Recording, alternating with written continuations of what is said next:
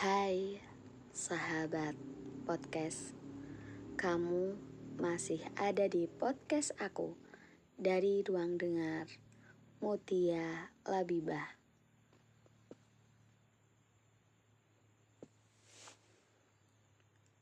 Aku menulis ini karena aku cukup tahu bahwa kamu tidak punya banyak waktu untuk mendengar.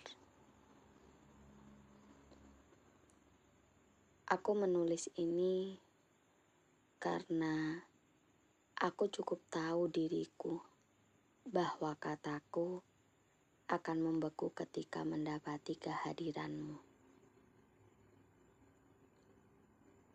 Aku pun menulis ini agar namamu dan kisah ini bersemayam dalam buku dan tulisan ini saja.